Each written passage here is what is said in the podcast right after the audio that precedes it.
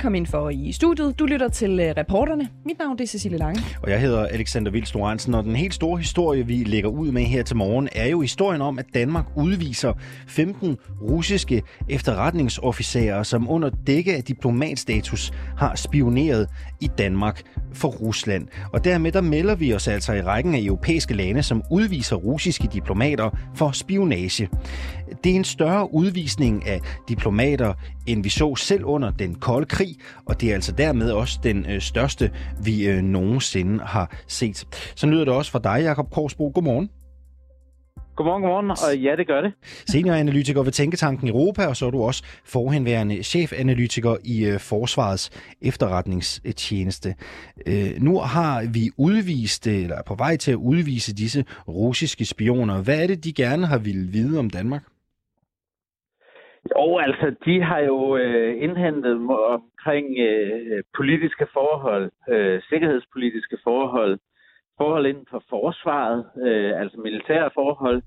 Øh, de har også forsøgt at, at finde ud af, af teknologiske ting, øh, lave industrispionage og, øh, og den slags. Så det er, det er over en bred kamp, der har været interesse for, hvad vi laver.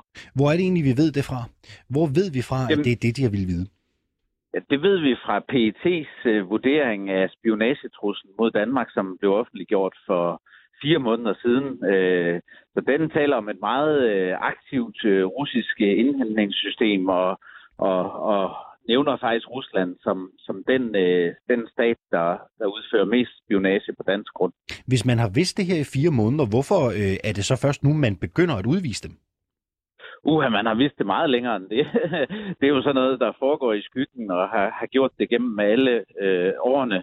Øh, og øh, og det, det tolererer man normalt og forsøger at opdække det for ikke at, at ligesom eskalere øh, situationen mellem to lande. Og så har man sådan et kontraspionage, øh, en kontraspionageindsats, som det hedder. Og det er sådan et forsøg på at, at opdække dem fra fra Rusland, som arbejder under, under dække. Øh, så det, det kører egentlig øh, normalt i en, en god gænge, og nu er vi så i den her øh, anspændte situation med Rusland, og så har man så taget det her skridt øh, på europæisk plan, hvor stort set alle de europæiske lande gør noget tilsvarende. Hvad er det, de her øh, russiske spioner kan bruge informationerne fra deres danske kilder til? Jo, men altså, det man, øh, det man jo gerne vil, det er at, at vide, øh, vide, hvad der foregår. Hvad er det for en, øh, en øh, modstander, man, man står over for øh, i, øh, i Danmark og i, i NATO og i EU-regi. Og man øh, har jo gennem alle årene forsøgt at, at underminere øh, samarbejdet i øh, ja, EU og NATO for eksempel. Og øh, udover at indhente informationer, så laver de også de her såkaldte påvirkningsoperationer, hvor man forsøger at påvirke udfaldet af valg øh, og øh, folkeafstemninger og den slags, og, og spillet en stor rolle i Brexit-afstemningen, for eksempel for at slå, slå splid i det europæiske samarbejde. Så det er, det er egentlig... Øh, det er egentlig ganske, ganske velbeskrevet. Hvem plejer de her russiske spioner i Danmark at pleje omgang med? Altså, hvilke typer af kilder går de efter? Altså, det, det er jo det mulige kunst, så de går jo selvfølgelig efter dem, der sympatiserer med, øh, med, øh, med deres egne øh, synspunkter, og går efter nogen, som øh, måtte være til falds for penge, og går efter nogen, som øh, på en eller anden måde øh, har en, øh, en karakterbrist, som, øh, som de kan udnytte. Hvem kunne det være? Og, og, og vende dem til deres side. Jamen altså, det er jo embedsmænd, øh, øh, det er embedsmænd, militærfolk, øh, journalister kunne det også være, øh, meningsdannere, øh, tænketanksmedarbejdere som mig selv. Hvad med politikere? Øh, forskere, politikere bestemt også, ja selvfølgelig. Hvilke partier øh, i Folketinget ville være særligt interessante at kultivere relationer til for russiske spioner? Ja, men det, det, det ved jeg ikke. Altså, øh, jeg, nu vil jeg ikke mistænkeliggøre nogen øh, på nogen måde. Fordi ja, bare sådan et bud. Være... Hvem, hvem kunne det være?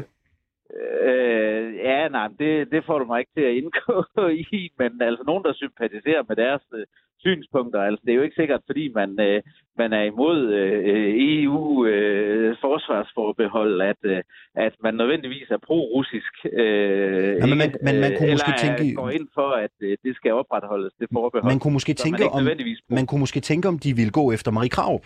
for eksempel? Det kunne man tænke. det, kunne man, det kunne man tænke, øh, men øh, dermed ikke være sagt, at hun hopper på, men, øh, men, men, men det ville da være nærliggende, hvis jeg var spion i hvert fald.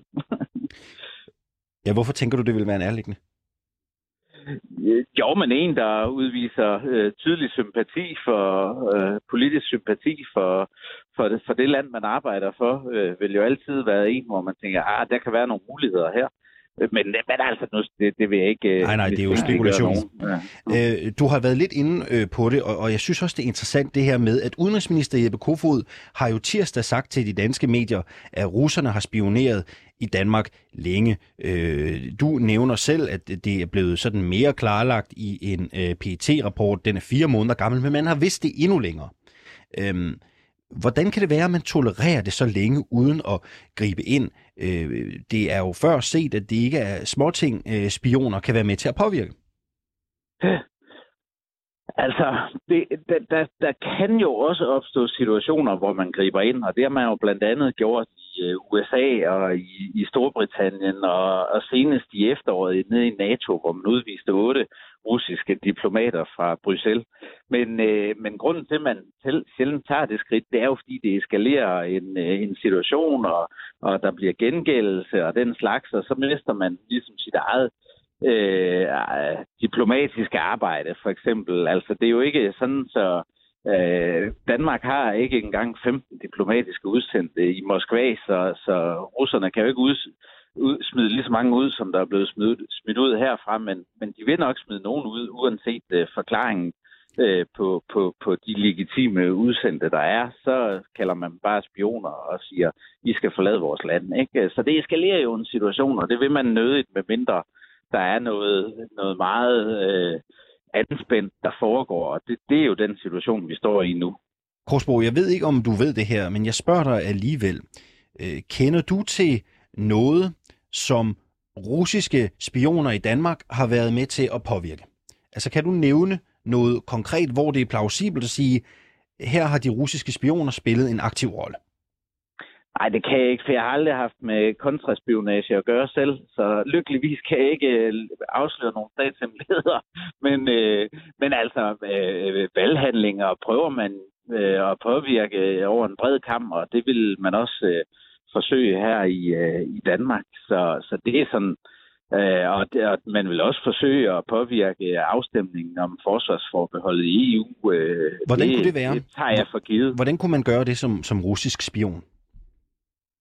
Jamen altså, det er jo alle de her øh, påvirkningsoperationer og, og støtte til dem, der er enige med en. Øh, øh, og som jeg siger, det er jo ikke nødvendigvis, fordi man er pro-russisk, at man vil sige, at det er en god idé at få øh, dem, der siger, at de skal opretholde forsvarsforbeholdet. Men, men altså, det er, for, det er man jo ligeglad med fra russisk side, så længe at man kan slå øh, splid i, i EU-kredsen, så betragter man det som noget positivt. Så Ja.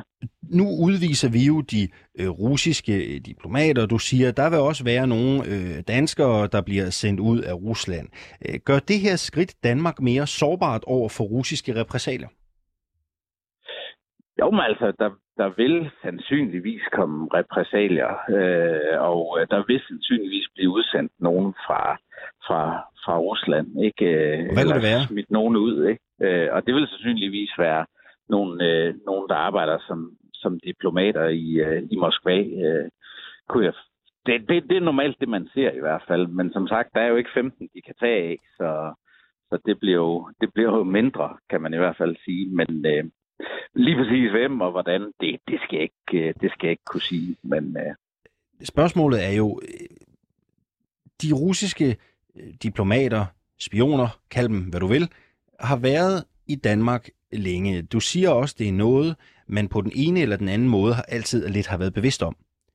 Hvor farligt er det øh, for et land som Danmark at have russiske spioner? Hvis farligt overhovedet? Øh, jamen altså, det er jo øh, farligt, fordi de prøver jo at, at gøre noget, der er, øh, der er ulovligt, og de prøver at skaffe sig øh, følsomme oplysninger om, om sikkerheden her i, i vores land, og, og hvis man ser på russisk militær formåen i, i øh, Østersøen for eksempel, ikke, så er det jo så er det vel typisk der, hvor man, man prøver at få overblik over, hvad gør Danmark og hvad gør NATO i, i i, i Østersøen og den slags.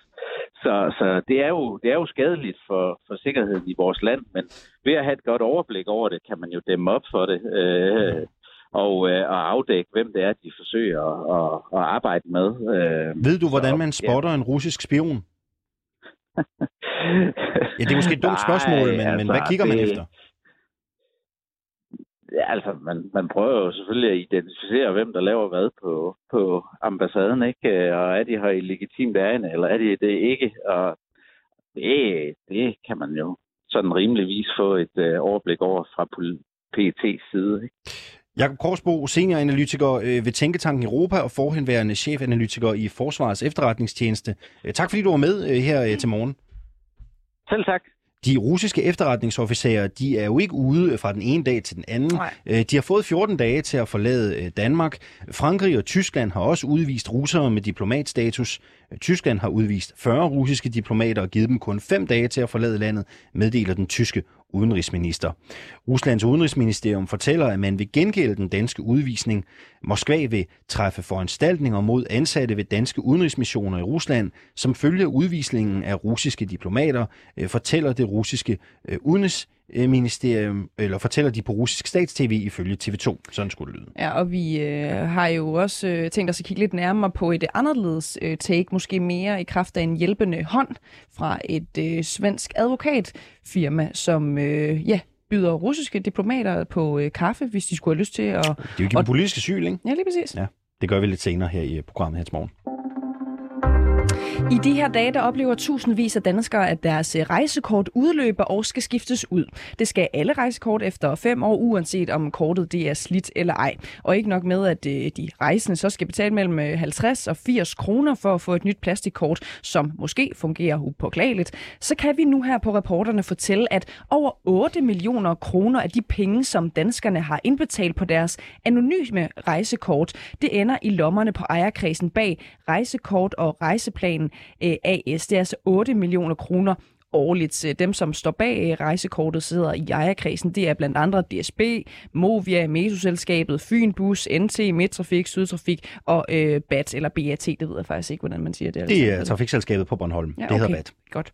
Øhm, det sker, fordi en øh, del af rejsekortbrugerne, øh, de har det, der hedder et anonymt rejsekort. Og når det udløber, så skal de igennem en meget lang og meget besværlig proces for at få udbetalt deres egne penge. Og det er langt fra øh, optimalt. Faktisk så tenderer det til halvdårlig service. Det mener du, Lars Vinblad, projektchef hos Passagerpulsen, som er Forbrugerrådets Tænks øh, afdeling for kollektiv transport. Godmorgen til dig. Godmorgen. Øh, Lars Vinblad, prøv lige at sætte os ind i allerførst. Hvorfor er det et problem, at danskerne øh, indbetalte penge havner inde hos øh, rejsekortets øh, ejerskab?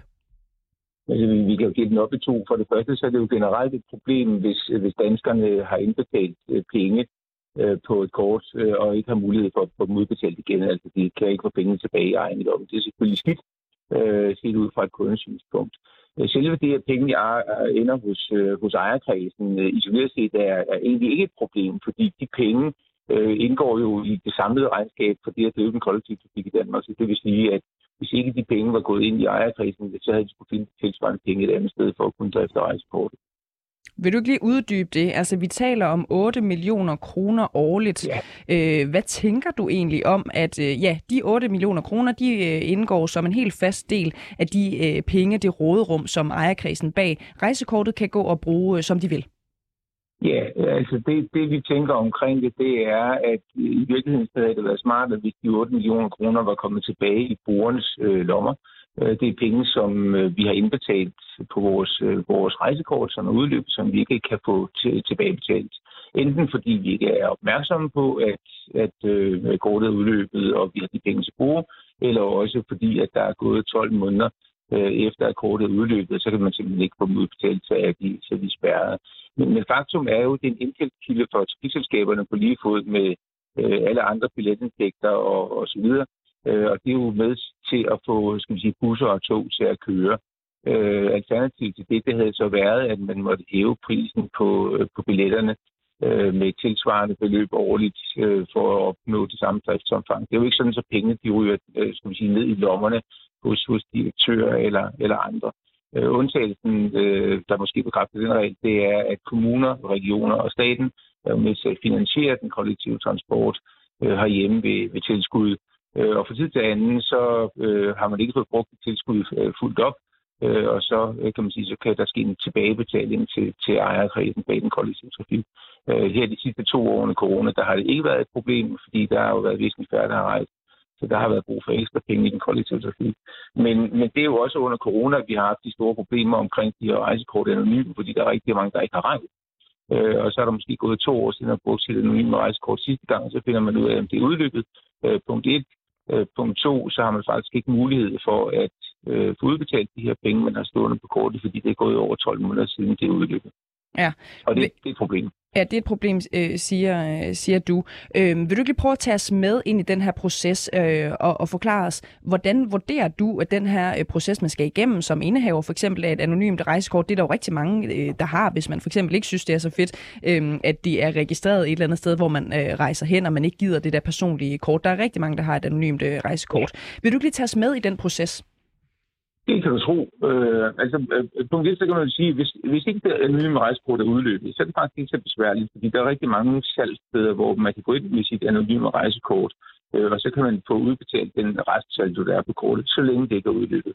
Hvis det er udløbet, jamen, så skal du først øh, kontakte telefonisk eller, eller på mail og rejsekorts kundeservice, så får du tilmeldt et, øh, et, øh, et schema, øh, som man skal udfylde, og så skal man indsende skemaet sammen med Øh, sit udløbet, øh, udløbende anonyme rejsekort øh, til kundeservice for at kunne øh, få udbetalt den her retssaldo, der er. Og der kan man vel at mærke kun få udbetalt retssaldoen til en dansk bankkonto. Det vil sige, at hvis man af forskellige årsager ikke har en dansk bankkonto, det kunne der være hjemløse eller andre, der har det i højst grad turister, som ikke har en dansk bankkonto, så har man altså faktisk ikke nogen mulighed for at få udbetalt øh, saldoen på sit udløbende øh, rejse eller anonyme rejsekort. Og det synes vi er, er for skidt. Øh, vi kan jo nævne, at i, i London for eksempel, hvor man har en pendant til rejsekort, der hedder jamen der har man på flere stationer automater opstillet, hvor man kan øh, smide sit øh, Oystercard, sit brugte Oystercard ind, og så får man øh, udbetalt den restsaldo, der er på Oystercardet til en, øh, et kreditkort, øh, altså samme kreditkort, som man har brugt til at betale Oystercardet med, efter man købte for eksempel. Godt. Øh, nu er jeg jo ikke serviceekspert som sådan, men jeg synes, at det her det lyder meget besværligt. Men jeg kommer også til at, at tænke på, om der er nogen, der rammes hårdere af det her.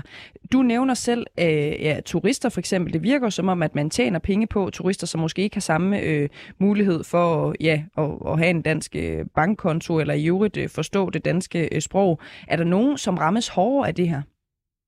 Altså, øh, øh turister, øh, helt oplagt, øh, de er typisk i landet i kortere tid. Øh, hvis man skal rejse rundt, jamen, så har man jo for det første en, en, en stor udskrift, eller en større udskrivning, hvis man betale 80 kroner for den anonyme rejsekort, øh, i stedet for 50 kroner for et personligt. Øh, foretager man få rejser, så er det selvfølgelig også en, en ekstra stor øh, ekstra omkostning på rejserne på den måde.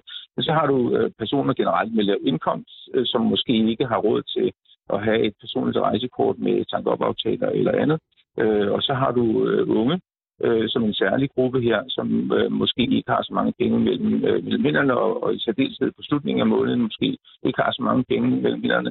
Øh, det vil typisk være dem, som vil være øh, tænker vi i hvert fald øh, oplagte øh, køber af et anonymt rejsekort. Øh, og set i forhold til deres samlede økonomi, så vil de selvfølgelig også rammes øh, ekstra hårdt øh, ikke at kunne få udbetalt øh, en eventuel øh, øh restindstående på et rejsekort. Mm. Jeg tænker bare, at øh, hvis jeg kender sådan de danske infrastruktursystemer øh, og abonnementer sådan øh, godt nok, så står alle de her informationer garanteret øh, et eller andet sted på side øh, 89 med småt. Så kan man ikke vente den om at sige, at jamen, der er jo faktisk mulighed for at få øh, pengene udbetalt øh, igen. Øh, man kan sikkert også finde en eller anden vejledning til, hvordan øh, man gør det. Så er det ikke bare fint nok, at det er sådan her, det er? Øh, I udgangspunktet, så har du selvfølgelig fuldstændig ret i, at vi har som forbrugere en forpligtelse til at sætte os ind øh, i, i de regler, der gælder. Øh, men øh, du ved jo sikkert også, at hvis du går ind på, på en eller anden ny hjemmeside, så kommer der sådan en disclaimer, om du skal acceptere øh, cookies og, og alt muligt andet, øh, og, og en eller anden, et meget, meget, meget, meget langt dokument, man skal acceptere. Øh, Øh, det er øh, de færreste, som, som læser sig igennem øh, 50 eller 100 sider. Hvis vi går ind og kigger på de fælles rejseregler omkring den kollektive transport, så er der også en dokument i nogle af den samme størrelsesorden, 40-50 sider, som man skal sætte sig ind i for overhovedet at kunne rejse med kollektiv transport. Det er der ikke nogen mennesker, der gør. Og hvis man går ind på rejsekortets hjemmeside, så må man bare sige, at, at den er ikke voldsomt intuitiv, øh, for noget at bruge et pænt udtryk. Øh, øh, og, og der er heller ikke sådan en, en, en helt oplagt sygefunktion øh, til, øh, hvis der er et eller andet, man ønsker at finde ud af derinde. Øh, de fleste øh, kan få udleveret en lille folder, øh, når de køber et rejsekort øh, i en 7-Eleven eller andet. Men vi lavede en undersøgelse her for øh, et par år siden, øh, som øh, viste, at det var faktisk langt de fleste af de her salgsteder, som ikke engang havde folderen, som de skulle udlevere til øh, køberne af rejsekort anonym. Og det er selvfølgelig en problemstilling, som øh, det, det, er ikke, det er ikke i orden, at folk de ikke får den rigtige information på forhånd. Når det så er sagt, så synes vi faktisk, at rejsekort anonymt er et udmærket produkt, fordi det gør jo netop, at man har mulighed for at gå ind og købe øh, rejsekortet komme ud og rejse med det samme, øh, i modsætning til et rejsekort øh, personligt, øh, som skal bestilles øh, på nettet, øh, og, og hvor der går en rumtid, før kortet lander i ens øh, postkasse, sådan så man kan komme videre. Mm. Lars Wienblad, øh, projektchef hos øh, Passagerpulsen, øh, Forbrugerrådet Tænks afdeling for kollektiv transport. Tusind tak, fordi du var med her til morgen. Det var så lidt. Og vi har jo forsøgt, Alexander, at få kundedirektør fra øh, Rejsekort og Rejseplan AS med i dagens øh, program. Det var desværre ikke øh, muligt, men han har sendt et skriftligt svar til os, som jeg lige vil øh, læse op fra. Rejsekort og Rejseplan AS kan bekræfte, at beløbet for restsaldo øh, saldo, undskyld, på anonyme rejsekort, som ikke blev udbetalt i 2021, lød på cirka 8 millioner kroner. Dette beløb blev, ligesom de foregående år, fordelt blandt trafikvirksomhederne, der ejer rejsekortet. Trafikvirksomhederne virksomhederne, der bruger pengene til at vedligeholde og udvikle den offentlige transport til gavn for alle rejsende. Det er helt rigtigt, at den nuværende procedure for udbetaling af restsaldoen på et rejsekort anonymt er besværligt for kunderne.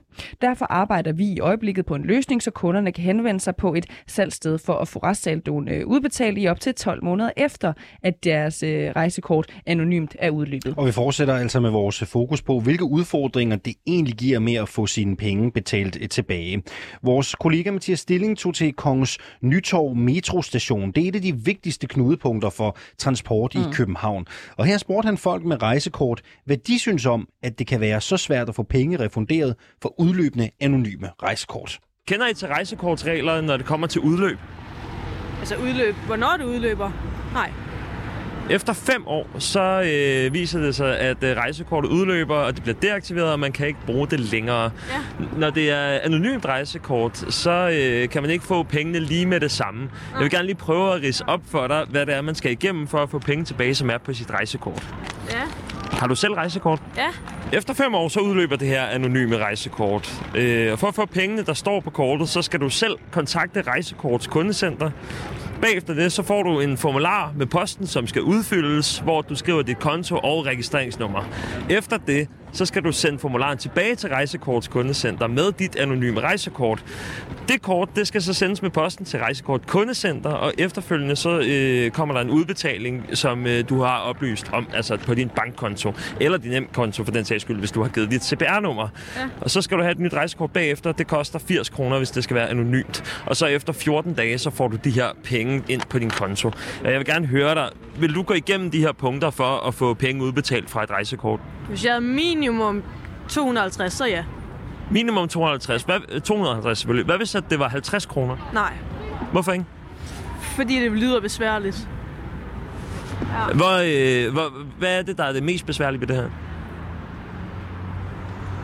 Alt det, man skal sende ind. Må jeg stille en af jer et kort spørgsmål i forhold til rejsekortet? Ja, jeg bruger rejsekort. Ja. Perfekt, du bruger rejsekort. Hvilken det type? Øh, anonymt rejsekort. Det anonyme rejsekort. Er du så bekendt med, at det udløber efter fem år? Nej, det er jeg simpelthen ikke. Men jeg tror, det er mere, mindre end fem år gammelt. Efter fem år, når det er udløbet, så bliver det så spærret, og øh, så er der jo nogle penge på det kort. Måden, du kan få de penge tilbage på, det er ved, at du...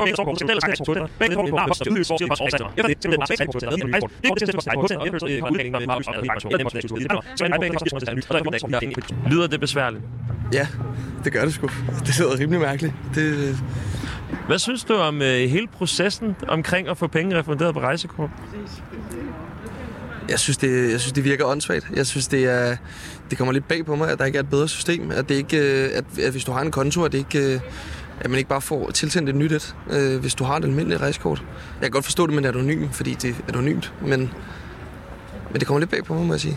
Grunden til, at man skal gøre det sådan her på den her måde, ja. det er så også for at øh, sikre, at øh, man ikke hvidvasker med det anonyme rejsekort. Men har du nogensinde overført sådan noget, det ved jeg ikke, 3-5.000 kroner til et anonymt rejsekort? Jeg, øh, jeg overfører til, at jeg ikke har flere penge på mit kort, og så, eller jeg overfører, og så bruger de penge, der er på kortet, og så, når jeg har brugt dem, så overfører jeg nogle flere penge. Hvor mange penge skulle der være på sådan et kort, før at du vil øh, få det refunderet? 250 250? cirka. Så er det også meget besværligt. Altså, det er meget tid lige pludselig at bruge på det, ikke? Med frem og tilbage. Vidste du, at det udløber efter 5 år? Nej. Så bliver det spadet nemlig. Okay. Og jeg kan sige, øh, med det anonyme rejsekort, Ja. så er det sådan, at øh, måden, at altså, der er jo nogle penge, som ligger derpå. Ja. Og dem kan man kun få tilbage på én måde. Ja. Det gør du ved at ringe til rejsekortet, sender dit brev til dit rejsekort, det udløber du, sender du så dit rejsekort tilbage der, så derefter, så kan du få penge tilbage, og det, og så skal du selvfølgelig rejsekort, fordi der bliver. Hvad tænker du nu om øh, den proces? Jamen, øh, det bliver da noget af en proces, som jeg kan gå og glæde mig lidt til. Men hvornår den kommer, det ved jeg faktisk ikke. Lyder det ikke lidt bøvlet med det her pengesystem på rejsekortet? Det lyder vildt øh, bøvlet, men øh, der var jo lige lidt public service, som øh, jeg kan tage til efterretning. Hvor mange penge skulle der være på sådan et kort, før at øh, du vil få det refunderet? det ved jeg ikke. Øh, hvis, hvis jeg sådan skulle orke bøvlet, måske 3, 400, 400 tror jeg faktisk, inden jeg sådan egentlig magtede at gøre noget ved det. Hvilket rejsekort har du? Det ved jeg ikke. Det er uden navn, almindeligt blankt. Ja. Vidste du, at det udløber efter 5 år? Nej. Efter 5 år, så... Det er ugyldigt. Det gamle skal sendes tilbage. Lige præcis, hvis du vil have pengene igen, vil jeg mærke. Okay. Hvad synes du om den proces? Ej, det burde kunne gøres automatisk. At man får det resterende tilbage på et kort, som, ikke, øh, som man ikke kan bruge længere. Altså, det, det, ja, det giver ikke nogen mening. Det er mere kompliceret, end det burde være. Ja. Hvor mange penge skulle der være på sådan et kort, før du ville begynde at få dine penge refunderet? Hvor mange penge, der skulle stå tilbage på det, før jeg ville øh, kontakte dem? Ja. Oh. Jeg vil sige, et sted over 100 kroner. Øh, så vil jeg prøve at kontakte dem for at få det tilbage. Hvis det er under 100, så vil jeg nok være sådan, Nå ja, så gik det tabt. Jeg forstår, hvorfor de har gjort det med deres nuværende system, men jeg synes, de burde ændre deres nuværende system. Jamen er det ikke også at lukrere en lille smule på folks dogenskab? Jo, det er det. Ja. Jeg er helt enig i, hvad du siger. Alexander, hvis jeg nu siger, at vi to vi skal en tur på Palæbar eller Toga her efter øh, programmet, ikke? Det lyder dejligt. Ja. Det så er det jo ligesom, det var i går. Ikke? Ja, præcis. Ja. Og øhm, jeg siger så også til dig, jeg giver. Så Det lyder længe, endnu bedre. Ja, så længe du ikke går ud og tisser. Det øjeblik, Det er jo du bedre ingenting. knækker og er nødt til at gå ud og tisse, så lukker kassen. Øh, jamen, jeg vil da sige tak alligevel, og så vil jeg da holde mig, så længe jeg kunne. Ikke? Ja. Det er da en udfordring. Øh, men vi ved jo alle sammen godt, hvordan det er, når man kan mærke den første øl presse sig på den Præcis. systemet. Ikke? Så kapitulerer man jo før eller siden. Ja, det har, det har jo det videnskabelige øhm, begreb partyblære? Ja, som vi alle sammen det er det. Øh, kender. Hvis den først øh, har meldt sig, står og banker på, Ja, så, så er det et spørgsmål om, øh, om ganske få Og så øh, løber du minutter, resten af aftenen, ikke? Præcis. Ja. Øh, hvis jeg så også fortæller dig, at en kro i Nordjylland her i weekenden har lavet lige præcis det her arrangement, altså hvor der har været fest med fri bar, indtil nogen skulle på toilettet. Øhm, Altså indtil den første simpelthen gik på toilettet, eller hvad? Pisfest, kalder de det. Fantastisk. Der er fri bar til hele, til hele kronen, indtil den første skal ud til. Det er sgu da slut. meget sjovt. Det er sgu da meget skægt. Jeg synes, det lyder usundt. Jamen, det gør det da. Der er der i hvert fald kø ved pissoiret på et eller andet tidspunkt, ikke? En pisfest til gengæld, så, som jeg lige øh, læser op fra øh, her, begynder med, at alle går på toilettet lige og, og tisser af. Okay. Så bliver dørene til toilettet låst, og alle går i barn og drikker løs, indtil den første ikke kan holde sig længere. Og jeg synes, det vi skal bide mærke i her, det er, at vi, vi to kan godt have sådan en indbyrdes konkurrence om, at jeg giver så længe, at du ikke går ud Ja. og tisser. Der er gruppepres, øh, gruppepres hedder det, undskyld. Ja, det Prøv at tænke dig at Ja. være den første. Vil du forestille dig, at du sidder nede sammen med Mathias øh, Damborg, og du har Ali på den anden øh, side, Mikkel Winkler måske endda også, og så du kan mærke, at du skal tisse, og du ved, at det er din skyld, at, øh, at kassen lukker for alle de andre også. Sorte bukser på. Du- Blæ på, du. Voksen blæ. Sådan er det. Så er vi ud over det, ikke? Ja. Det, du elsker gratis ting. Jeg elsker bare gratis ting. Jeg er jyde jo, ikke? Lige præcis. Prøv at høre, øh, spørgsmålet er, skal vi prøve at ringe og høre, hvad der ligger bag den der idé, Ja. og hvor længe de holdt egentlig? Ja. Det er jeg meget øh, interesseret i at finde ud øh, af. Vi er nu i afdelingen for øh, skøre øh, indslag, hvis ikke lytteren havde, øh, havde opfanget det. Ikke? Vi er også der, hvor vi lige overvejer at koldkalde nogen, altså ringe til nogen, som ikke ved, øh, vi ringer. Jeg synes, vi skal ringe til hende, der hedder Pernille Stockholm. Hun er kromutter på Hotel Tømmergården i Hvidbjerg. Det gør vi. vi det er jo i. Nordjylland, ikke? Jeg ved, hvor længe de holdt. Det synes jeg jo, det er et helt gode spørgsmål. ikke? Jeg kan jo lige sige, at udover den her pisfest med fri bar, så har de også arrangementer som øh, spritbanko øh, for damer og grisefest. Spritbanko for damer? Ja. ja. Det er også lige Hold dig. Kæft, det gad jeg godt. Jamen, det skal da nok. Ja, det kan være, at vi kan sende live fra Spritbanko for damer en dag. Ja. Det er ikke utænkeligt. Du tror ikke, Kromutter er stået op endnu? Nej, men jeg tror, hun har garanteret haft, haft åben indtil sent, ikke? På en uh, tirsdag? Personen, du har ringet til, svarer ikke. Nej. Nej. Vi prøver, vi prøver senere. Jeg synes, vi skal gå efter, om vi ikke skal gøre det her til en historie i morgen. Simpelthen bare ringe til Pernille, lave en aftale og line det op. Vi Jeg gider har bare godt jo- høre om det. Selvfølgelig. Vi har jo vores redaktion i Nordjylland. Det er Malte Hove, blandt andre, der sidder øh, der, og han har en stor øh, bil, så han kan øh, køre rundt til alle mulige... Øh, jeg ved ikke, hvorfor jeg er så imponeret over den der bil. Det er bare Nej, fordi, nej. det har vi ikke her Ved du hvad, vi, vi, vi prøver. øh, Jeg synes, vi skal lave en historie på det. Det er interessant i hvert fald. Jeg kan lige sige her til sidst, øh, 26 gæster havde betalt i alt 75 kroner hver og tilmeldt sig, øh, og festen varede en time og 10 minutter før, nu, det står faktisk her, Alexander, en time og 10 minutter før den første måtte bukke under og gå på toilettet. Det er kort tid, hva'? Det synes jeg ikke er særlig godt Ej, gået. det er ikke godt. Det er altså ikke Jeg var godt. blevet sur, hvis det var dig, der var knækket efter 10 minutter. Øh, undskyld, en time og 10 minutter. Mere end 900 øh, demonstranter kørte rundt i Berlins gader og mødtes ved mindesmærket for den røde hærs faldende soldater under 2. verdenskrig for at udtrykke sympati for Putin og russernes krig i Ukraine.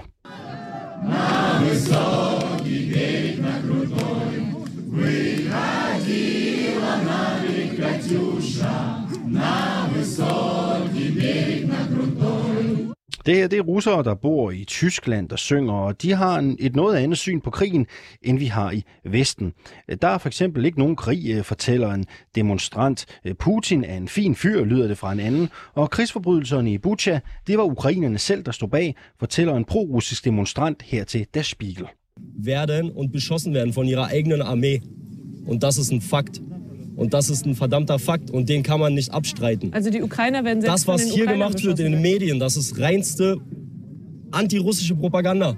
Ja, de blev skudt af deres egne, og øh, det er et øh, faktum, øh, det er et forbandet faktum, og det kan man ikke øh, bestride. Det medierne har gjort her, øh, det er den reneste antirussiske propaganda, øh, lyder det. Øh, Godmorgen og velkommen til dig, Lasse Solsunde. Ja, godmorgen. Du er øh, Berlin-korrespondent. Øh, hvordan kan det være, at de her mennesker er ligeglade med krigsforbrydelser, fristes man jo til at spørge? Altså, det er en mindre gruppe russere øh, af de øh, mange russere, der befinder sig, så at sige øh, eks-russere, der befinder sig i Tyskland, øh, som jo så øh, ret konsekvent følger med i de russiske medier.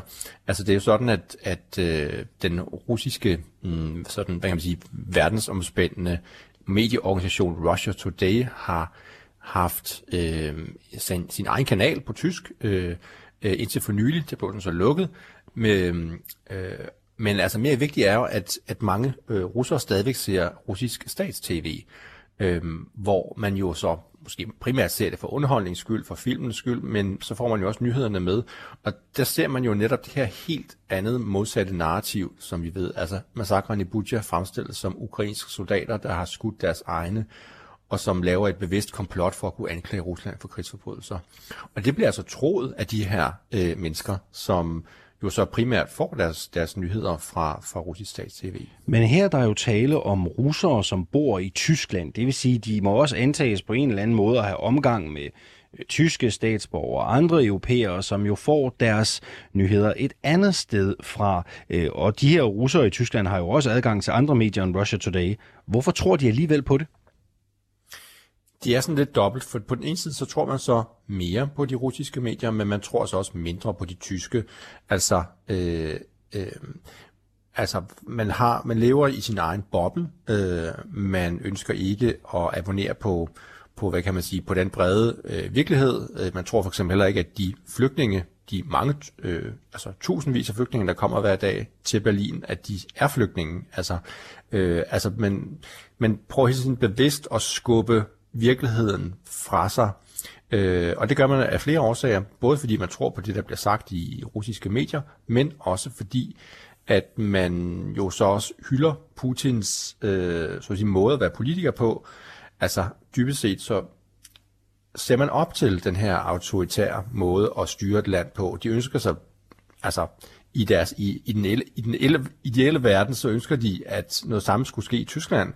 Altså at man får den her sådan, statsfascisme, en stærk mand, stærk militær, stærk nationalisme, at man for, efter for godt befindende kan angribe andre lande, når man ønsker det. Altså det er sådan noget, som de mener, det, sådan noget burde Tyskland også få sig. Den her måde at, at lave politik på. Nogen vil mene, at det har Tyskland måske haft øh, tidligere. Ikke? Øh, de her mennesker, hvem er de egentlig? I Tyskland kom der øh, mange russere. Der var, der var mange russere i forvejen, så at sige. Øh, allerede under DDR, der boede der en halv million russere. De fleste af dem rejste hjem igen, øh, da de to Tyskland blev genforenet. Men så kom der op gennem 90'erne øh, omkring ja, et par millioner faktisk øh, øh, russere, øh, som øh, altså typisk kom fra bestemte steder i i, i Rusland, som, som, hvor der kom, altså hvor der historisk set havde været mange tyskere, og som så på grund af det her historiske tilkørsforhold til Tyskland faktisk fik lov til at få et tysk pas. Øh, og det var der altså mange, der gjorde. Det var også en del jøder, der gjorde det.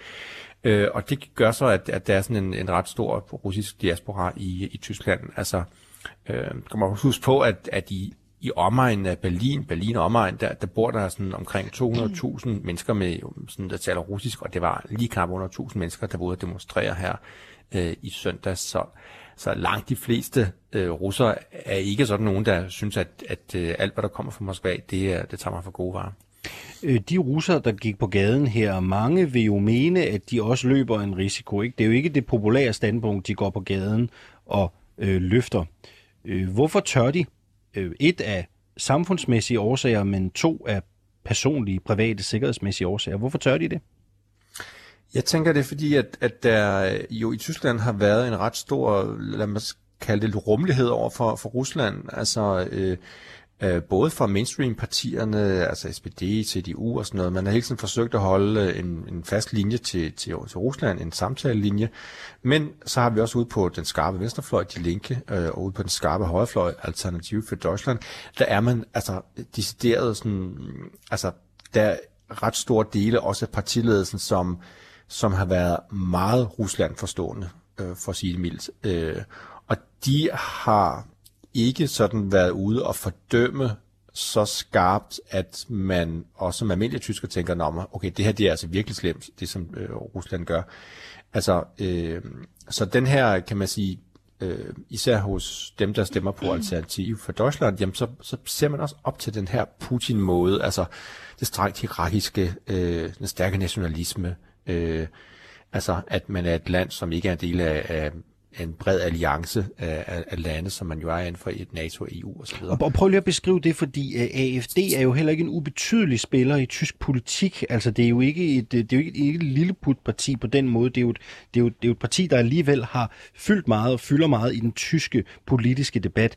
Hvad er det i deres øh, politiske program, i deres holdninger, øh, der, der, der ikke øh, tager så skarpt afstand fra Rusland. Kan du prøve at sætte nogle ord på det?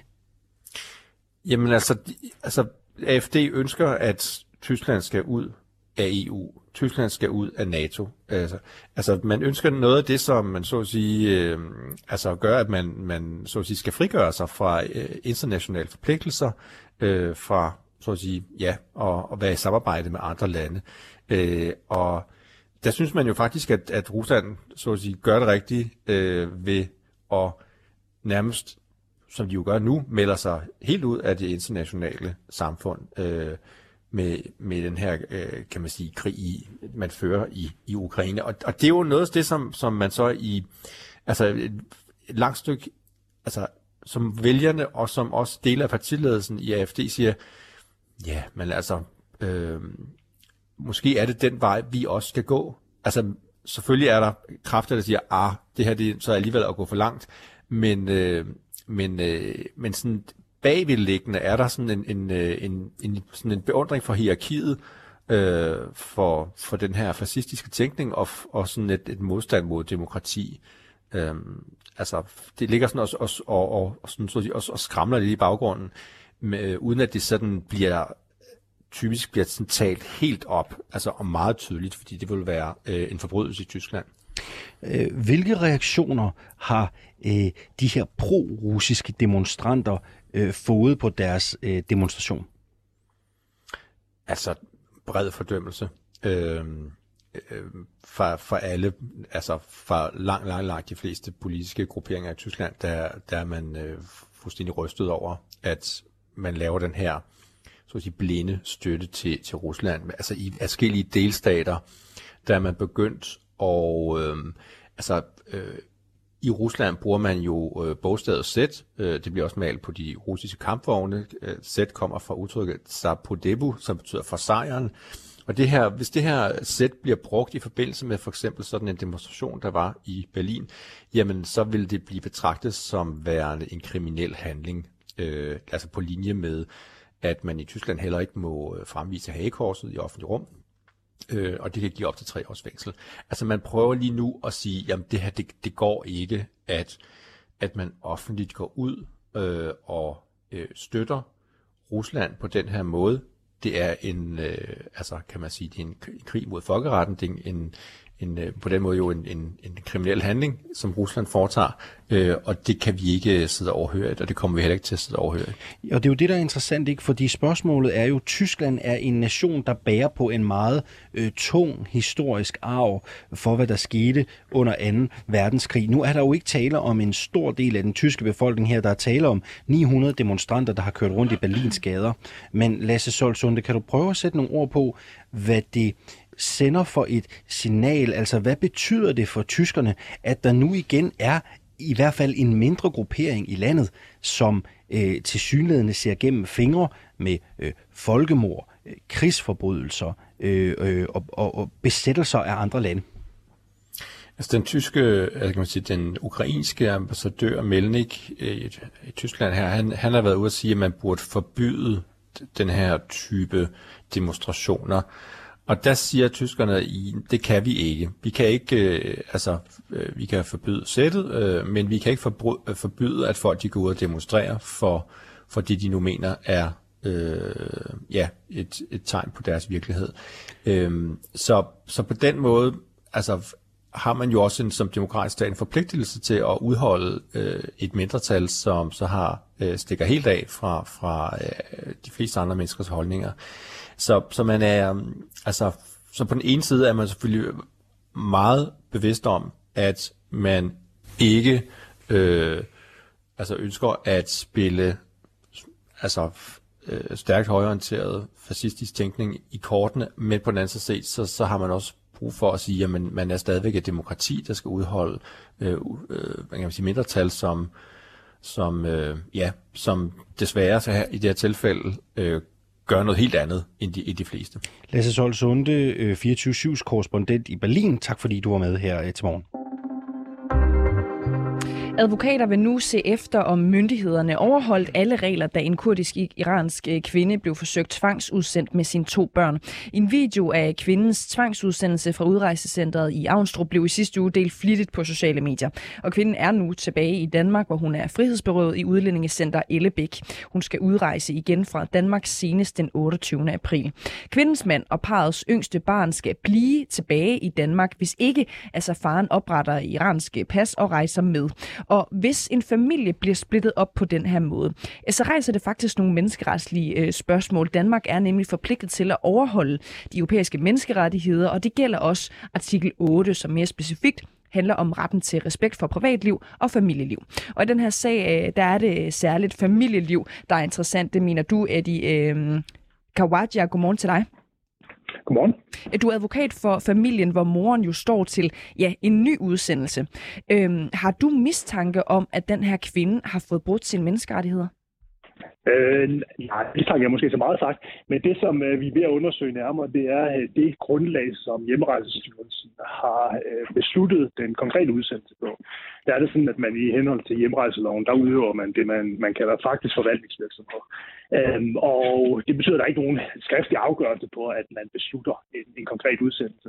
Men det betyder ikke, at man i forbindelse med de øh, vurderinger, man laver hos styrelsen, øh, ikke skal foretage en grundig afvejning af de interesser, der er, for eksempel efter artikel 8. Øh, og særligt, når man har øh, at gøre med en, øh, en større familie med mindre børn, som det tilfælde her. Prøv lige at gøre os klogere på, for jeg tænker, du må have en eller anden form for øh, mistanke, ellers havde du vel ikke taget sagen. Altså, hvad er det, der skal undersøges, ikke er blevet over, øh, øh overtrådt? Øhm, man kan sige, det som, altså mistanke igen her er måske så meget sagt, det vi øh, kigger på, det er, hvorvidt man i hjemrejsstyrelsen, i de akter, der ligger på sagen, har foretaget den her afvejning. Øhm, og man kan sige firkantet set, når man udøver faktisk forvaltningsvirksomhed, så øh, er den resolvering, man laver jo, kan jo være mundtlig, eller på anden måde besluttet, at man nu går i gang med den konkrete tvangsmæssige udsendelse af min kvindelige Øh, klient, øh, og efterlader et barn og en mand her, øh, og at man altså også tager to mindre børn med hende. Øhm, og når man laver en sådan vurdering, så er det jo helt givet, at der er et indgreb i retten til respekt for familielivet, altså i MRK. Øh, og når man så øh, skal arbejde de forskellige interesser, så er det udgangspunktet, at man på en eller anden måde skal reservere skriftligt efter min opfattelse, altså hvor man skriver ned, hvad det er for overvejelser, man har gjort sig på, at man godt kan spille familien op.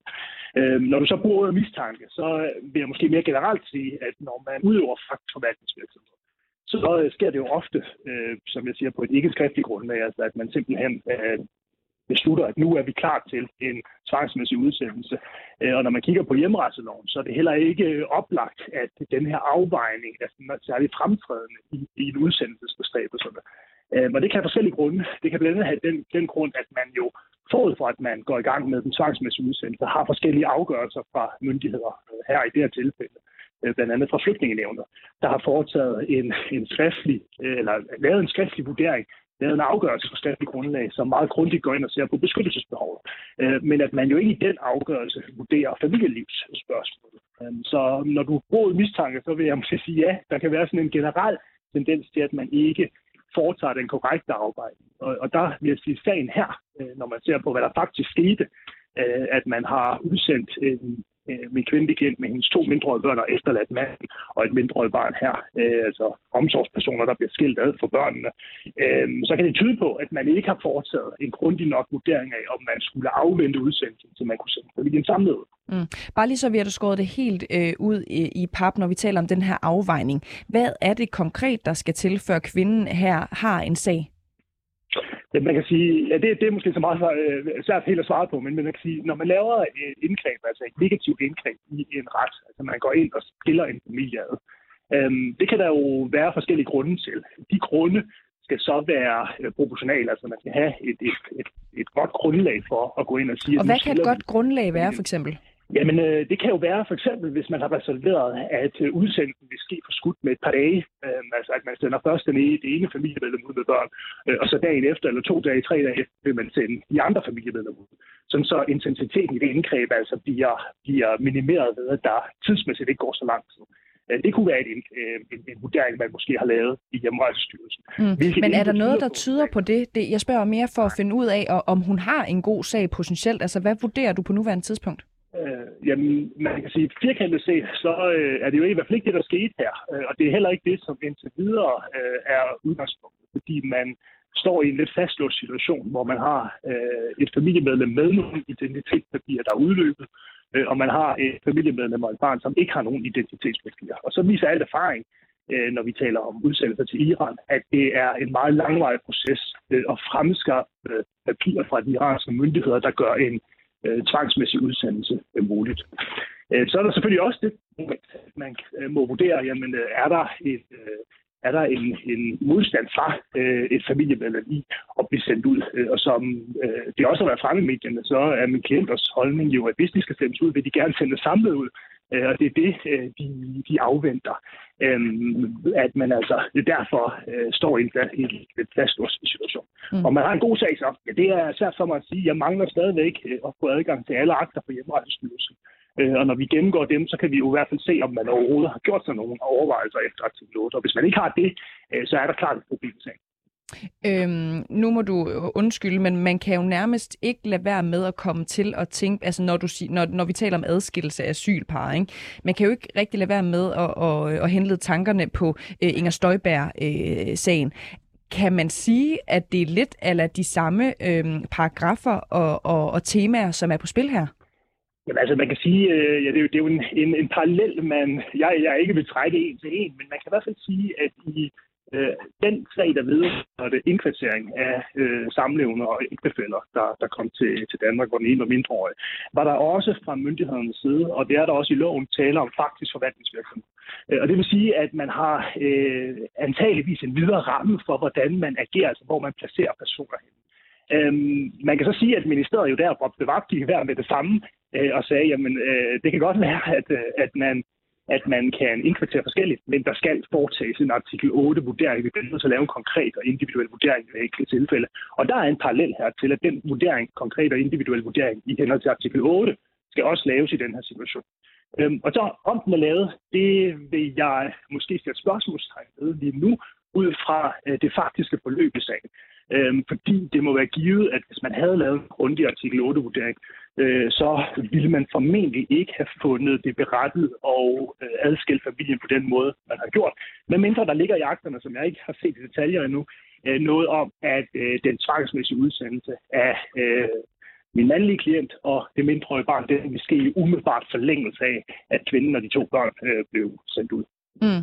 Øhm, og hvad så, hvis Hjemrejsestyrelsen ligesom har lavet den her konkrete vurdering og, og har øh, vurderet et eller andet omkring øh, faren og, og det ekstra barn, som, øh, som øh, du på nuværende tidspunkt ikke er bekendt med? Ja. Jamen så afhænger det jo helt af, hvad det er, man har inddraget i den vurdering. Altså, jeg vil sige, ud, altså, sådan overordnet set i en udsendelsessituation i forhold til artikel 8, så vil det forhold, at en person ikke har øh, nationalitetsdokumenter eller er identificeret ved sit hjemlands myndigheder, efter min opfattelse ikke være til et tilstrækkeligt øh, grundlag til at lave et sådan, øh, så indgribende indgreb det er at skille børn fra en far og, øh, og et barn fra en mor, og så også ægtefælder fra hinanden. Øhm, så det kommer helt an på, hvad det er for momenter, der er inddraget i den konkrete sag. Mm. Og det kan vi ikke se indtil videre, hvad der har været. Øhm, hvis man sådan kigger på den her slags sager, nu er det ikke sådan, jeg ved, om det er noget, der sker øh, hver dag, eller om et, øh, et par gange om måneden, eller, eller hvad, hvad omfanget ligesom er. Er det din fornemmelse, at der typisk er noget i de her øh, sager, hvor det er de her tematikker øh, og, og de her paragrafer, man kigger på? Nå, man kan sige, altså, det er jo ikke sædvanligt, at man foretager tvangsmæssige udsendelser på den her måde, hvor man øh, opsplitter øh, en familie med mindreårige børn. Øhm, i, I mange tilfælde vil den tvangsmæssige udsendelse enten være øh, familier, eller også vil det være måske ægtefælder, som øh, i en tidsmæssig periode bliver adskilt. Og det er måske lidt en anden problemstilling i forhold til indgrebets intensitet. Øhm, det, som øh, jeg igen måske kan sætte spørgsmålstegn ved, det er, hvad det er for en artikel 8 afvejning, der foretages, når det nu sker øh, under den her paraply, der hedder faktisk forvaltningsvirksomhed, også efter hjemrejselovens bestemmelser.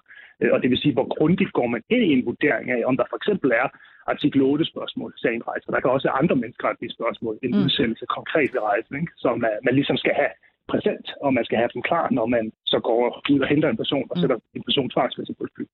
Eddie Kawadja, tak fordi du var med her til morgen, altså advokat for den kurdisk-iranske kvinde, som er forsøgt tvangsudsendt og skal udsendes igen senest ved udgangen af april.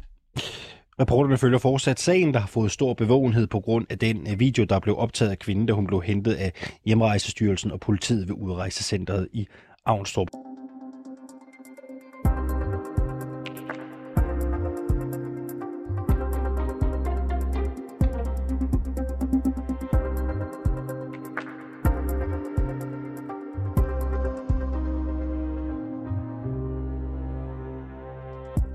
Time er der tilbage af reporterne, og der er faktisk kun en halv time, ikke? Så blænder vi op for vores udenrigsmagasin Krig i øh, Europa. Men vi er i hvert fald med helt frem til klokken. Den bliver ni, som altid. I studiet er det mig, jeg hedder Alexander Vilstoransen. Og jeg hedder Cecilie Lange. Og Alexander, mens øh, Danmark nu har meldt ud, at man vil udvise 15 russiske diplomater efter et ekstraordinært møde i det udenrigspolitiske nævn, så har svenske kræfter valgt en ja, noget anderledes øh, tilgang. Mere specifikt så har et anerkendt svensk advokatfirma, øh, Asylbyråen, øh, valgt at søsætte det mest måske nichede reklamekampagne nogensinde.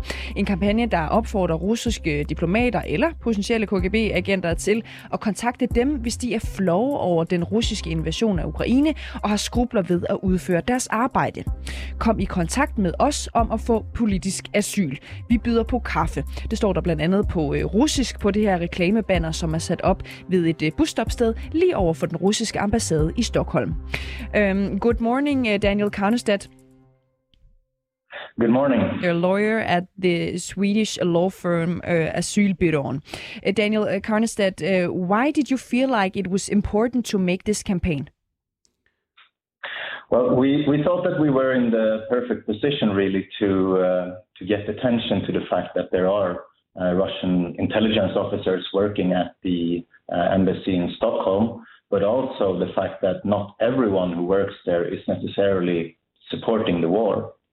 So we put up this sign uh, to to give those opposed to the war kind of a way out, but also to sort of poke those who supports the war and saying that you will soon be deported.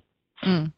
We were uh, very uh, curious uh, here at this uh, program. Have any Russian diplomats or intelligence officers uh, contacted you? Well, I can't really comment on, on who, who has or has not contacted our law firm. Sorry. Mm. Um, it says on your poster across from the Russian embassy, contact us to get political asylum. If a Russian uh, KGB agent or uh, employees at the Russian embassy contact you um, and you cannot get them political asylum, what happens then? Well, it doesn't really say that we will get them political asylum. It says that we can help them with advice on political asylum. And if if it would uh, not be granted, then then they would uh, be deported to Russia. Yeah. So if they contact you and you um, say, "Okay, sorry, we can't help you," um, then they just wouldn't get any help and maybe get deported to Russia. In theory, yes, but in this also, if someone from the Russian embassy were to defect to to the West, as it is, then they would, in, in a sense, be creating their own asylum reasons because if someone defects and then is deported after that, I mean, the Russian authorities for sure they're going to learn about it, and this person is going to, to face persecution in Russia. So I think the, the the risk of actually not being granted asylum would be rather low. So when you made this campaign, were you um, worried that this would happen?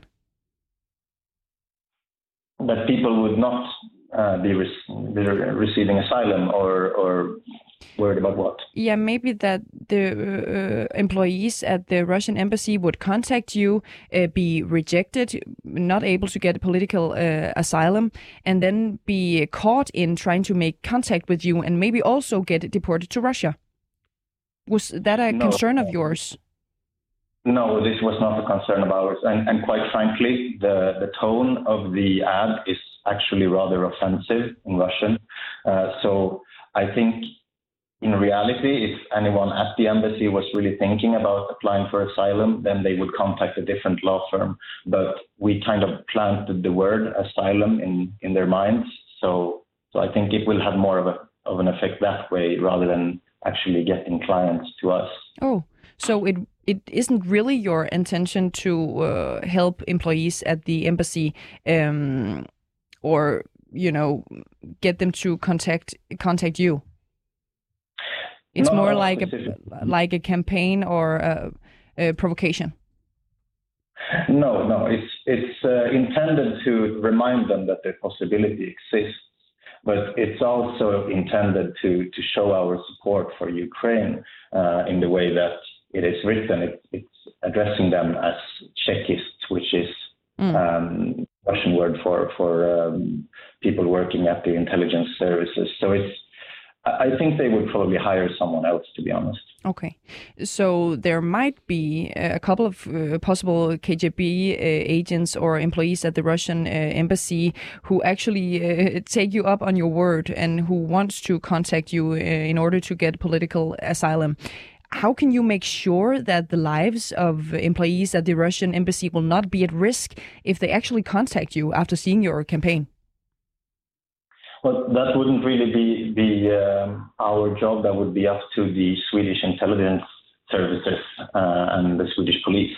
So we could only help them with actual advice on um, Swedish asylum law, and, and the rest, um, well, that's outside of our expertise. Mm. Um, so somebody might contact you, but you cannot guarantee the lives of employees at the Russian embassy. No, of course we cannot. We are a law firm, not a security service. Do you think it's possible that the Russian regime is monitoring their diplomats at the Russian embassy in uh, Stockholm and therefore will be able to find out if any employees or possible uh, KGB agents actually contact you? Well, it's quite possible. Uh, if I was working at the Russian embassy and I was thinking about defecting, then I would uh, go about it very, very carefully. And do you think it's possible that the Russian regime will punish agents or intelligence officers at the Russian embassy in Stockholm if they actually contact you? If they if they find out that they have tried to contact us, then of course this would be a very big problem for them. So yes, I think they would be punished. Do you not have any um, trouble with making this campaign when you say what you do that the lives of uh, Russian diplomats at the Russian um, embassy in Stockholm might be in danger? Well, defecting from a murderous regime is, is always dangerous, and it's not going to become more dangerous by us putting up an ad. Um, the dangers are there already. So, so no, this is this has not been a concern of ours. Mm. Why not? Well, it's, it's just not our our job, so to say, to to take those kind of things into account. Uh, we uh, we regularly have clients from from other regimes which would want them to to not apply for asylum. So um, there is there is a precedent for that, and, and our job is to help them with the legal questions. Everything else is up to the Swedish authorities. Mm. But don't you think you have some kind of moral responsibility when you make this um, campaign and put it up in front of the Russian embassy in Stockholm? No, no, I, I wouldn't say so. Um, the the moral issue here is not whether or not we are are urging them to do something dangerous. It's whether or not they should keep working for a regime that is killing people in the Ukraine at this very moment. Mm. Daniel uh, Karnestad, uh, lawyer at the Swedish law firm uh, Asylbyrån, thank you for joining us this morning. Thank you very much. Skal vi lige øh, give reklamen på dansk? Skal vi lige prøve at oversætte den reklame, der hænger ja, op foran? det er en god idé. Øh, vi får lige det hele. Gider du ikke? Læs op. Godt. Giv den med den skønne røst. Og det, det er vigtigt at sige, at den står jo på russisk, øh, og vi hører også fra Daniel Karnstedt øh, her, at der er sådan set skruet lidt op for retorikken. Det er meningen, at den skal være øh, provokerende på en eller anden måde. Mm. Ikke? Tonen i den er meget konfrontatorisk. Øh, nu er den oversat til dansk, og, og det lyder altså, kære KGB-agenter og andre ansatte på den russiske ambassade, finder I det svært at arbejde? Er I flow efter hver arbejdsdag? Snart vil det blive for sent at flygte. Kom i kontakt med os og få politisk asyl. Vi byder på kaffe. Og vi kunne altså også øh, forstå på Daniel Kørnstedt her, at det synes han øh, sådan set ikke øh, indbyder til, at de har et særligt øh, ansvar over for øh, ja, de KGB-agenter, der måtte øh, beslutte sig for at, at flygte. En flygtning er en flygtning, og når mennesker har behov for beskyttelse, så skal de behandles ens. Sådan sagde Katrine Oldag, der er udlændingoverfører for Radikale Venstre i Folketingssalen ved behandlingen af den særlov, der skal sikre ukrainere bedre rettigheder end øvrige flygtninge. Godmorgen, øh, Katrine Oldag. Godmorgen. Velkommen til dig, øh, øh, udlændingoverfører for Radikale Venstre. Øh, du mener ikke, at ukrainerne skal have bedre vilkår end øvrige flygtninge. Øh, hvorfor ikke? Jamen altså, øh, jeg mener jo egentlig, at, øh, at når vi laver en særlov for ukrainerne, så, øh, så virker det jo ret øh, absurd og underligt, når man sidder der, for eksempel som evakuerede afghaner, vi hentede i, øh, i øh, øh, hvad hedder det, i august og september, at, øh, at ukrainerne er på et øh, fast track til integration.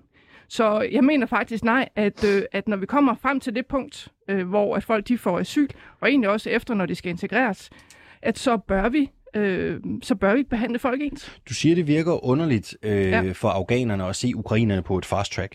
Øh, men hvorfor?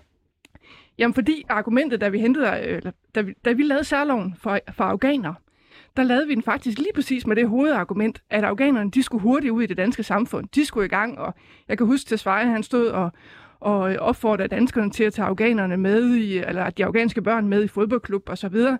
De skulle hurtigt ind ud i kommunerne. Og så går der 6-8 måneder før, at de der afghanere de er ude i kommunerne. Og så vidt jeg kan se, så er ukrainerne mange steder allerede ude i fodboldklubberne og allerede i gang, øh, og, og flere steder der er der jo allerede givet opholdstilladelser. Mm. Så det kan altså lade sig gøre at lave en ultra fast track øh, for ukrainerne, men ikke for afghanerne. Det Mm. synes jeg er lidt besynderligt. Er det racisme? Øh, jeg er ikke glad for at trække racismekortet. Ah, men nu spørger du det da ligger, øh, det, ja, det gør det. Og det ligger ikke til mig, for jeg synes ikke, det her det definerer racisme. Men det er en, en øh, forskelsbehandling, som jeg også tror, jeg sagde, kaldte det i salen, som jeg ikke synes øh, klæder os. Altså, hvis det er sådan, at vi kan Men få synes du, folk det har hurtigt ud i racistiske kommunerne. Øh, nej, fordi jeg, der er jo, altså, når man definerer racisme, så skal man jo også definere det som, som en, en, øh, en, en målrettet diskrimination, hvor man diskriminerer for eksempel på, øh, øh, på etnicitet og på farve øh, primært. Og, øh, og den måde, som jeg mener, for, jeg er for eksempel ikke tilhænger af den måde, som øh, Fri Grønne, Fri Grønne er, øh, har, har defineret det her på. Jeg står ikke og hiver særloven over og kalder den racistiske affald øh, nede i salen, for særloven er faktisk rigtig god. Mm. Altså det sagde jeg også i salen, det var noget andet, det jeg sagde. Den er rigtig, rigtig god. Prøv at tænke, hvis den havde galt alle øh, flygtninge, der kom hertil, i stedet for Og lad os, øh, lad os drible videre øh, til det, fordi Ja. du, øh, du anerkender jo som sådan heller ikke, at der er særlige forpligtelser over for de befolkninger, som bor tættest på os. Øh, Særloven for ukrainerne, hvis vi prøver at dykke ned i den, øh, den betyder blandt andet, at de umiddelbart kan få en opholdstilladelse, så de hurtigt kan starte i skole, på en uddannelse eller i arbejde. Skal alle flygtninge og fordrevne have de samme vilkår? Øh, ja, men når du spørger sådan, så skal du bare vide, at, at øh, det hand, når du spørger sådan, mener du så inden de får asyl, eller efter de har fået asyl? Jamen jeg mener, skal de have de samme muligheder, som ukrainerne øh, får øh, lige nu? Skal den øh, model, som ukrainerne ser lige nu, udbredes til alle flygtninge? Når de kommer ind, ja. Og, altså det, som ukrainerne er igennem lige nu, det er jo faktisk, at vi screener dem. For eksempel, er de efterlyst, eller øh, er de... Altså, det, det kan gå meget, meget hurtigt, når man behandler Det, det, asylsager. er, simp- det er bare for at være helt skarp. Ja. Skal øh, alle flygtninge og fordrevne have mulighed for at få en hurtig opholdstilladelse, hurtigt starte i skole, hurtigt komme i uddannelse eller i arbejde? Ja, de sidder alt for længe på asylcenter og rådner op og kigger ind i væggen. Okay. Er der slet ikke nogen grænser for, hvem der skal Nej, det hvis her? vi gør det ordentligt, jeg, jeg står ikke og siger, at øh, Danmarks grænser skal åbnes. Lige nu der afviser vi omkring halvdelen af de asylansøgere, der kommer til Danmark. Og jeg har, jeg har ingen tvivl om, at de danske myndigheder er i stand til at vurdere, hvem der skal have asyl eller ej. Mm. Det, jeg, vi- det vi står og snakker om nu, det er jo ikke, at alle skal have asyl, og det mener jeg heller ikke, at alle skal. Man kan heller ikke vente sig til asyl, øh, som der også er, øh, er folk, der sidder og Men, gør. men nogen vil jo mene, at grænserne for de ukrainere, der flygter fra krig lige nu, mm. er så godt som åbne. Så det er vel også det, du reelt plæderer for her. Er det ikke det for alle flygtninge? Øh, nej, det er det ikke, fordi når du kommer her, så bliver du hurtigt vurderet, hvorvidt du kan få en opholdstilladelse eller ej. Og der bliver jeg bare nødt til at stole på, både at de bliver screenet af PET, de får taget, øh, hvad hedder det, biometri, som vi finder ud af, om de har været efterlyst andre steder i Europa osv. Vi ved godt, hvem det er, der kommer. Så de danske myndigheder kan faktisk godt sagsbehandle væsentligt hurtigere, end de gør nu. Og derfor så bør der heller ikke være så lange ventetider på asylcentre, når folk kommer hertil og søger asyl. Men igen, hvis de så ikke gør det, Mhm. hvis de kan behandle hurtigere, Ja. og de ikke gør det med afghanere og syre, så er det jo nærliggende igen at spørge, er det et udtryk for racisme? Jamen altså, du får mig simpelthen ikke til at, at, at bruge, det, øh, bruge det ord, Men fordi... vi, men, øh, men vi kredser lidt om det alligevel, ikke? jamen, det gør du. Ja, fordi det lyder lidt som om, det, det er der, du måske er på vej hen. Det kan også være, jeg tager fejl. Der, hvor jeg gerne vil hen, det er, at vi har en lige behandling af mennesker, når de kommer og søger asyl i Danmark. Det, øh, at jeg, jeg opfatter ikke hverken de danske myndigheder øh, som, øh, som decideret som racistiske overhovedet på nogen som helst måde. Mm. Når de sidder og vurderer, så vurderer de jo med de sæt af regler, som de har, og der gælder der bare forskellige, lige nu forskellige regler for forskellige mennesker. Og det er en uhensigtsmæssig Der er bare særbehandling. nogen, du mener bare, at der er nogen, der bliver øh, behandlet bedre end andre, og det er dem fra Mellemøsten og Afrika, der måske bliver behandlet dårligere. Eller hvad tænker du? Jamen, det gør de jo også, hvis de for eksempel kommer fra Kina. Mm. Og det gør de jo også, hvis de kommer fra Venezuela eller Brasilien. Lige nu er det jo kun Ukraine, vi har lavet særlov for. Øh, Og derfor så mener jeg heller ikke, at du skal sige med fuld overbevisning, at det her det er racisme. Fordi lige nu, hvis du for eksempel er russer, og du søger asyl i Danmark nu, så, bliver du, så kommer du til at sidde bagerst i asylkøen på et asylcenter og vente i øh, et til to år, inden din sag den er behandlet. Og det er jo ikke, det er jo ikke racisme. Det, så, så, det er, så, så, så vi taler om en forskelsbehandling fra forskellige lande, som er rigtig, rigtig uhensigtsmæssig, men det er simpelthen ikke racisme. Så lad os prøve at dykke ned i det. Hvad er ja. kriteriet for at være flygtning og have ret til de her vilkår? Kriteriet er jo øh, for at være flygtning, at øh, man er personligt forfulgt, og man kan dokumentere det, når man kommer til Danmark. Og der, øh, der har vi jo nogle helt særlige øh, kriterier for, øh, og nogle forskellige kategorier for i udlændingeloven. For eksempel stø, paragraf 7.1, som er en konventionsflygtning, defineret af den europæiske flygtningekonvention. Mm. Men synes du, synes du, de skal være anderledes? Skal vi, skal vi udvide kriterierne for, hvornår man er flygtning? Eller er det godt nok, som det er nu?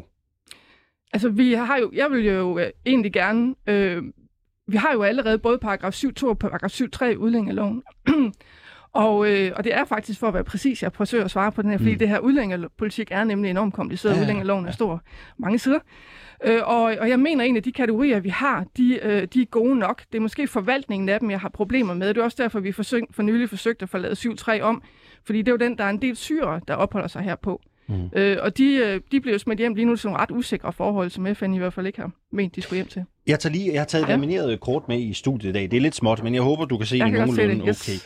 okay. Øh, hvis vi prøver at kigge på kortet, øh, så øh, kan vi se, øh, Ukraine ligger her med hovedstaden øh, Kiev. Øh, et andet land, vi har, det er Libyen. Det ligger her i det øh, nordlige øh, Afrika. Øh, fra Ukraine til Danmark, der skal du principielt kun igennem øh, et sikkert land, før du er øh, fremme. Hvis du kommer fra Libyen, så er billedet jo et lidt andet. Øh, her skal du igennem eksempelvis øh, Grækenland, øh, Albanien, Østrig og Tyskland. Er der ikke forskel på at flygte fra Libyen og så flygte fra Ukraine? Jo, nu du, du står jo med noget, som... Øh, du står lige præcis og sætter fingeren på en rigtig vigtig problematik, som handler om nærområder. Øh, og øh, der mener vi jo, altså Socialdemokratiet gik jo ind i det her og definerede, eller sagde, at de gerne ville lave en særlov. Øh, det gjorde Venstre jo også, og Konservative, som nogle af de første partier, der mente, at vi skulle have en særlov. Øh, og sagde, at det gør vi, fordi vi hjælper i nærområderne. Men mm. de har jo ikke været i stand til at definere, hvad de mener med nærområdet. Og der, ej, nej, men, men det er da alt andet lige noget andet at flygte fra øh, Ukraine til Danmark end fra Libyen, ikke? Altså, du skal igennem et land fra Ukraine, du skal igennem fem stykker fra, fra Libyen. Der er der forskel. Øh, ja, det, det der, der er forskel der også. Ja, det er der da. Og, også hvis du er russer og flytter hertil, eller flygter hertil fra, fra Finland eller Sverige. Men de bliver alligevel sat bagerst i asylkøen. Altså, så, så der er jo øh, på den måde, jeg, jeg ved ikke det helt, øh, hvad det er, du vil hen med det spørgsmål. Altså, er, det, nej, er der spørgsmål i det? Nej, det, det, er bare, jeg, jeg, det er bare, simpelthen bare for at få dig til at forholde dig til, om, ja. om, om der ikke kan være et resonemang i, at det giver øh, mening at hjælpe nogen, der er tættere på, der er vores umiddelbare naboer, end nogen, der er meget langt fra og har mange andre sikre lande i deres umiddelbare nærhed.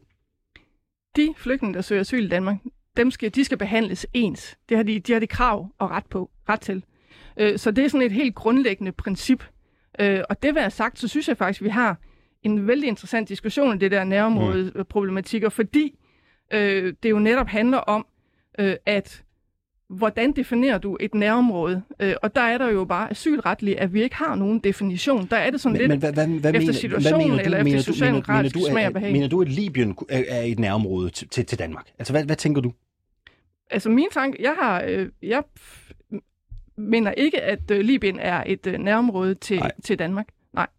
Og du mener heller ikke, at vi skal forpligte os til at hjælpe i vores nærområder mere end alle andre steder? Korrekt. Generelt. Øhm, kunne I have lavet en permanent lovændring af udlændingeloven på den tid, det tog at stemme særloven igennem? Nej, det kan man ikke. Hvorfor ikke? Jamen, fordi sådan noget, øh, sådan noget kan, tager bare enormt lang tid, og det er også derfor, vi ender med at stemme ja til særloven. Selvfølgelig gør mm. vi det. Fordi vi kan jo ikke se os selv i, at vi ikke vil, selvfølgelig vil vi hjælpe de ukrainske flygtninge, det vil vi da. Og når vi nu i forvejen har et system, øh, som er så, hvad skal man sige, øh, gennemhullet, som den danske udlændingelov er, øh, så er det, at man bliver nødt til at lave en særlov for at få det her til at lykkes hurtigt. Og det var sådan set også det, vi gjorde med de, øh, de afghanske evakuerede. Vi har også tidligere gjort det med Bosnien og så videre. Og det er jo lidt et skråplan. Vi kan ikke lide særlov, men altså, det her det var jo den pragmatiske løsning på en akut øh, krise. Katrine Oldag, øh, udlændingordfører for Radikale Venstre. Øh, tak, fordi du havde lyst til at komme her øh, til morgen, og god morgen øh, til dig. Og med det så er vi også færdige med øh, reporterne for øh, den her morgen. Camilla Michelle Mikkelsen har været i øh, regien og hjulpet os øh, fra A til Z. Øh, husk, du kan altid høre alle afsnit af reporterne, der hvor du henter dine podcasts, ligesom vi selvfølgelig tager imod ris, ros og gode idéer til programmet på den mail, der hedder reporterne 247.dk.